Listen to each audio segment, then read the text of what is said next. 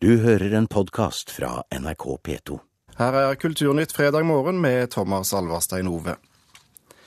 Jeg har fyrstikker og en kanne bensin. Jeg vil tenne på en FPU-kar.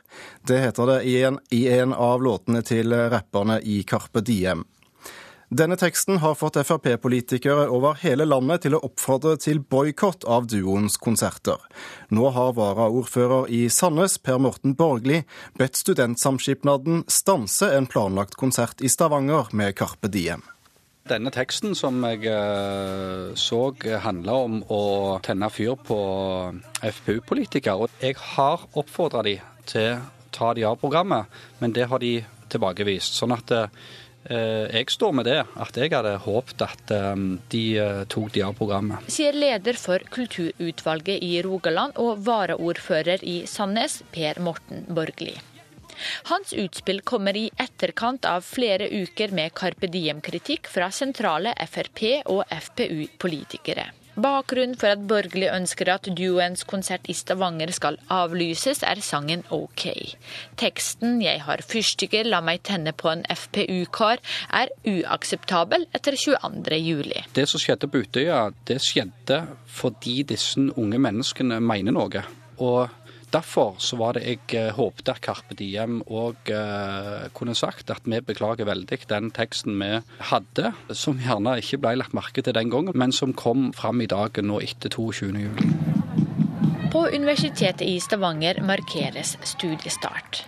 I år er det 40 år siden Studentsamskipnaden i byen, SIS, ble dannet. Og dette skal feires med en stor konsert i oktober, med Carpe Diem som trekkplaster. FrPs oppfordring har ikke blitt overveid, sier kommunikasjonssjef i SIS, Benedikte Titlestad. Vi har nok ikke det. Det er ikke blitt gjort noe ulovlig her. Vi følger lover og regler. Hvis vi får noen andre type henvendelser som går utenfor norsk lov, så skal vi selvfølgelig det. Men vi kan ikke ta stilling til enkeltpersoners påstander. Studentene på campus ser heller ikke ut til å bry seg om boikottoppfordringen. Jeg tror nok ikke at det er mange som kommer til å boikotte det. Det er musikk. De synger hva som helst. altså Rappere synger om damer er bla, alt sånt. Så jeg tror ikke noen kommer til å boikotte noe særlig. Pluss folk er jo Det er Stavanger-studenter, de kommer til å drikke seg drita sånn sett. Jeg syns det er skremmende. Sier Svein Tuastad, førsteamanuensis ved Institutt for sosialfag ved Universitetet i Stavanger. Han synes at både oppfordringen fra stortingsrepresentant Peter N. Myhre til å boikotte Carpe Diem på Øyafestivalen, og de lokale utspillene fører til et politisk klima som minner om USA på 50-tallet, da senator McCarthy drev jakt på amerikanske kommunister. I realiteten så er det en sånn eh, McCarthyisme light, der de eh, egentlig sverter og nærmest brennemerker artister for deres politiske meninger. Derfor skal de ikke få jobb. Borgli har fått støtte fra partifeller i Stavanger, mens flere artister og samfunnsdebattanter har gått imot boikotten. Det hele har endt opp med trusler om reprimander og offentlig skittkasting begge veier. Skremmende, sier Tuastad. Borgli er jo tross alt leder av eh, fylkets uh, kulturutvalg. Én ting er å si at den, musikken, denne musikken er veldig grov, og vi, vi liker den ikke. Så, så, kan vi si at den må misforstås, men, men det, det, er jo klart man mener det. Men noe annet er det å si at eh, de bør ikke inviteres til uh, felles arrangement for breie lag av befolkningen, selv om, andre grunn, selv om popularitet, etterspørsel og tilsa at de skulle komme, så skal de ikke få lov, fordi at vi liker ikke de politiske meningene deres. Karpe Diem ønsker ikke å la seg intervjue av NRK, men skrev nylig i en kronikk i Dagbladet at tekstene deres ikke er ment bokstavelig. Reporter var Sofia Paskiewicz. Picasso-maleriet 'Barn med due', som har hengt i britiske museer siden 70-tallet, ble tidligere i år solgt til en hemmelig utenlandsk kjøper. Men nå har Storbritannias kulturminister lagt ned eksportforbud, i håp om at det kan la seg gjøre å kjøpe det tilbake. Begrunnelsen er at maleriet er tett knyttet til britisk historie, og at det er viktig for forståelsen av Picassos tidlige kunst, skriver BBC. Facebook-aksjen fortsetter sitt svalestup på Wall Street. Da aksjen ble lagt ut for salg i mai, kostet den 38 dollar. Nå er verdien nesten halvert. I går ble fallet forsterket ytterligere av at bl.a. ansattes aksjer ble lagt ut på markedet. Aksjen koster nå 19,88 dollar, eller rundt 118 kroner. Klokken 13 norsk tid i dag faller dommen mot kvinnene i det russiske punkebandet Pussy Riot. Tre medlemmer i bandet står tiltalt for pøbelskap og opptøyer etter at de i februar kuppet en gudstjeneste i Moskvas største katedral og fremførte sangen 'Jomfru Maria, frels oss fra Putin'. Aktoratet har lagt ned påstand om tre års fengsel for punkerne som opptrer i fargerike finlandshetter. De arresterte kvinnene har fått støtte fra artister som Paul McCartney og Madonna, og i forkant av domsavsigelsen arrangeres det i dag demonstrasjoner over hele verden til støtte for bandet. Også i Oslo, forteller generalsekretær i Amnesty International Norge, Jon Peder Egenes. Det blir vel en slags kopiprotester. Vi, en del av oss kommer til å forsøke å, så godt vi kan å se ut som Pussy Riot. Og, og dette skjer i, i, veldig mange land i dag rundt omkring. Eh, doms, eh, altså tiden hvor dommen faller, som er klokken ett norsk tid. Eh, og det er både en solidaritetaksjon med Pussy Riot, som vi vet, vet, om det, og som er veldig glad for at de får denne, denne støtten. Og det er et signal til Putin at vi i omverdenen sitter ikke stille og bare ser på dette. Vi støtter de som på fredelig vis om enn kreativt og, og, kanskje noe fornærmende. Det, det, har både Pussy Riot selv sagt, og det kan vi også være enig i. Eh, men langt, langt innenfor rammene av ytringsfriheten og det som burde være russisk lov. Ja, Det sa generalsekretær i Amnesty International Norge, Jon Peter Egenes. Gro Holm, utenrikskommentator her i NRK. Hva er det Pussy Riot protesterer mot, ifølge dem selv? Ja, Det er den nære forbindelsen mellom president Putin, eller statsmakten, og kirken, eh, som Pussy Riot selv sier at de, de protesterer mot. Eh, og eh, kirkens patriark, altså den russiske patriarken, sa jo i, tidligere i år at Putin, eller Putins lange styre, var, eh, Guds, var Guds, vilje eh, på russisk territorium. Og det er klart at eh, den tette forbindelsen har på en måte erstattet kommunismen som bærende ideologi for den russiske staten. Kommentatorer både i og utenfor Russland mener dommen i dag vil være et politisk bestillingsverk. Hvor sannsynlig er det? Til en viss grad er den det, for nettopp pga. den tette forbindelsen så måtte Putin eh, eh, så å si støtte Kirken i dens krav om en reaksjon mot den provokasjonen som jo skjedde i eh, Kristi Frelsekatedral i Moskva, som det også ble sagt.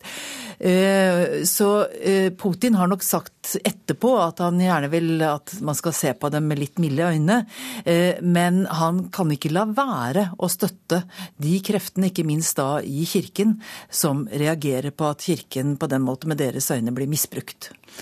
Så, så dette er en politisk sak. Er det en sensitiv sak? Ja, det er en sensitiv sak både i Russland, fordi det er også ulike meninger internt i Russland. Eh, disse jentene eh, protesterer jo med humor. Det vet vi fra tidligere tider er et veldig effektivt våpen i autoritære regimer, ikke minst i det tidligere Sovjetunionen. Men det er også sensitivt internasjonalt. altså Det er ikke bare folk på gata og aktivister som har reagert. Eh, Reykjaviks borgermester kledde seg ut eh, som eh, Pussy Riot-damer eh, nå sist lørdag, deltok i en gayparade. og mime til sangen fra Pussy Riots. Den franske kulturministeren har uttrykt sin støtte. 100, over 100 tyske parlamentarikere har undertegnet en støtteerklæring. Så dette har jo eh, også i den politiske eliten fått oppmerksomhet eh, ute i Europa.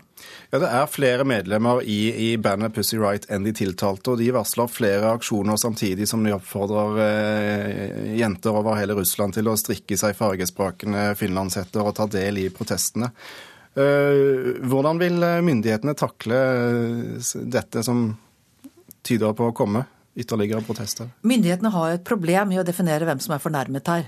Og, og det var jo også mange av vitnene under rettssaken som vakte latter da de gjentok nesten ordrett de samme forklaringene på hvorfor de følte seg fornærmet. For det skal jo være en fornærmet. Eh, så jeg, jeg, tror nok at eh, demonstrasjoner, gatedemonstrasjoner eller protestpunktmarkeringer som vi har sett noen eksempler på, at eh, de vil nok nøle litt med å, begynne nye arrestasjoner. For de gjør seg på en måte til latter stater, og det har nok også Putins og hans nærmeste skjønt. Hva slags dom kan det bli snakk om i dag? Ja, Det er lagt ned påstand fra aktors side på tre år. Eh, det kan bli noe mindre, jeg tror neppe det blir mer. Eh, men det er altså snakk om opptil tre år i straffeleir, og da snakker vi ikke om vanlig fengsel nødvendigvis. Det er eh, arbeidsleirer som fortsatt eksisterer. Det er 59 000 Eh, russiske kvinner som sitter i arbeidsleire i dag. Eh, og de, eh, de er riktignok ikke steinarbeidere, mange av dem syr, fangedrakter f.eks. Men det er da gjerne langt fra de store byene, i ganske øde strøk. Vanskelig for slektninger og venner å komme på besøk. To av disse damene har barn. Så det kan nok hende at det venter dem ganske tøffe år framover. Muligens må de bli satt til å sy fangedrakter, blir neppe satt til å strikke nye rosa finlands uansett. Tusen takk for at du var med oss i Kulturnytt, utenrikskommentator Gro Holm. Først skal vi høre at ansatte på folkebibliotekene rundt om i landet har ikke kunnskapen som trengs for å formidle bøkene de har til publikum. Konsekvensen er altfor alt ofte at folk eh, plukker med seg bestselgerne, mens mange mindre omtalte bøker samler støv i hyllene. Nå krever bibliotekarene mer opplæring til å formidle ukjente bøker. Jeg var tre år. Vi hadde soverom oppe i huset, men denne natta så skulle vi Sånn hørtes det ut da det første norgesmesterskapet i litteraturformidling ble avholdt denne sommeren. Vi hører vinneren, folkebibliotekar Gjertrud Øverlands presentasjon av Gaute Heivolds bok om pyromanen som herjet Sørlandet i 1978. Folk var redde. Hun knytter boka til en personlig opplevelse, og setter den inn i en sammenheng som skal gi en hel sal lyst til å kaste seg over den. Men det er et stykke fra NM i litteraturformidling til hverdagen i de fleste norske bibliotek. På biblioteket på Majorstua i Oslo er det rolig. En far og en sønn står med jakkene på og leter i hylla. Hva er dere på jakt etter på biblioteket i dag? En ungdomsbok som vi hørte på lydbok. og så hadde vi så lyst til å høre fortsettelsen. En krim. Hvor var det dere kom over den lydboka? Det leste jeg på i avisen. Fikk så god anmeldelse. Viktig for oss er jo å få fram det materialet som folk flest ikke vet noe om. Det sier bibliotekar Mette Digerud. Men hvordan i forslag til ny biblioteklov heter det at biblioteket skal være et sted for aktiv litteraturformidling. Det betyr lesesirkler, forfattermøter og bokbad. Men det er mange bibliotekarer som ikke er rustet til å drive med sånn formidling, sier leder av Norsk bibliotekforening, Ingeborg Rygg Hjorten. Heldigvis så har litt bibliotekarutdanninga tatt inn over seg at formidling er en viktig, viktig del. De nyutdanna bibliotekarer nå de står nok mye bedre rusta til å drive med aktiv formidling enn det jeg f.eks. gjør, som har en tolv år gammel utdanning. Og det er veldig mange bibliotekarer der ute som har eldre utdanninger. Med ny folkebiblioteklov på trappene forventer Hjorten klare grep. Det forplikter alle bibliotek i Norge til å drive med aktiv formidling. Vi forventer jo at Kulturdepartementet faktisk følger opp med et kompetansehevingsprogram som kan gå ut over det ganske land, og sikre hver enkelt bibliotekbruker den gode formidlinga, uavhengig av hvor du bor. Statssekretær i Kulturdepartementet Kjersti Stenseng mener formidlingskompetansen er godt nok sikret gjennom den ordningen vi har i dag. Nå samarbeider Nasjonalbiblioteket med de ulike fylkesbibliotekene om hva som trengs av kursing på formidling, sier hun. De erfaringene de har gjort seg, eh, er at det fungerer like bra som å ha sentrale tiltak. Den vurderingen er ikke Hjorten fra Bibliotekforeningen enig i.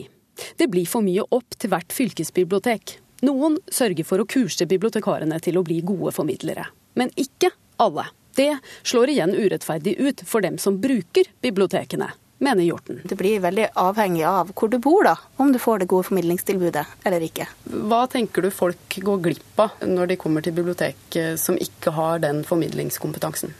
Ja, Det er en risiko for at du går glipp av det fantastiske mangfoldet og den bredden vi har i litteraturen i Norge i dag. Reporter her var Hanna Marie Knutsen.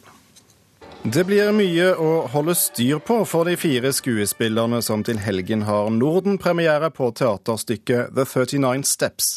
Stykket er basert på en Alfred Hitchcock-film, og de fire skal nemlig spille 130 roller. Og de har bare øvd i én måned. Unnskyld meg, konstabel. Har dere fanget Vestend-morderen ennå? Vi skal nok fange ham, sør. Vær ikke redd. Sånn skal det låte. Hallo, for er Karakterbyttene går fort unna på Bull-scenen i Oslo, og øvingstida renner ut. Teaterstykket 'Hitchcock The 39 Steps' har Norden-premiere lørdag, og regissør Erik Skøyen syns det er en stor utfordring å være først ute. Vi har eh, tenkt på det lenge, og så tok vi liksom mot til oss og sa at eh, dette er en kjempefaglig utfordring å gjøre. Sånn skuespillerteknisk og regimessig så er det kjempevanskelig. Eh, men nå tar vi den utfordringen fordi det er for, et prosjekt som er for godt til å la være. Det er teatertruppen som setter stykket som baserer seg på en film av den berømte engelske filmregissøren Alfred Hitchcock fra 1935. Det handler om en mann som er fra Canada, som kommer til England. Han er foreldreløs, han har veldig få venner igjen. Eh, plutselig en dag så møter han en kvinne på teatret som blir myrdet i leiligheten hans. Eh, for han, hun blir med han hjem. Eh, hun blir myrdet, og så blir han sendt ut på sitt livs eventyr, som inkluderer alt spennende spionfortellinger kan by på. Og han lærer om seg selv, og han lærer om hvilke verdier eh, som er verdt å kjempe for. Teatertruppen består av fire skuespillere som på 100 minutter skal spille 130 roller. Mange av dem tildelt skuespiller Andreas Medbø Thoresen. Nei, altså Det gjelder å holde tunga rett i munnen. Vi øvde i går en scene hvor eh, jeg og Tom skal spille et gammelt ektepar. Og da er det et sånn skikkelig stresskift for å komme inn i de kostymene. Og jeg får det til og kommer ut, og så kommer Tommy, Tomsi, med Han har fått på seg feil parykk. Så det er sånne ting som skjer hele tida. Man må bare prøve å holde fokus. Dette er mannen de er på utkikk etter, konstabel! Jeg er eh, tre forskjellige roller. Eh, jeg er eh, rett og slett de unge, pene kvinnene i stykket. Mens, mens de eldre kvinnene de blir spilt av mennene sier Hilde Bjerkeskaug, truppens eneste kvinnelige medlem. Over 1000 forestillinger er satt opp på amerikanske Broadway, og stykket har vunnet flere priser. En gang til, og så i hvert fall eh, en tredjedels høyere tempo. Det er bare én måned siden truppen begynte å øve på stykket. Hovedrolleinnehaver Håvard Paulsen sier det ikke betyr at de ikke tar publikum seriøst. Altså, vi, visste, vi visste hva vi gikk løs på når vi, vi satte i gang, og jeg tror publikum kommer til å bli eh, rista løs da, i, i, i denne fortellinga vi, vi, skal vise dem. For det er så mye som skjer, og det er så fylt av action. Så eh, vi har aldri i verden tenkt å slippe inn publikum før, eh, før vi er klar for å, for å, vise dem det. Og det er dere på lørdag? Ja, på lørdag er vi 100% klar.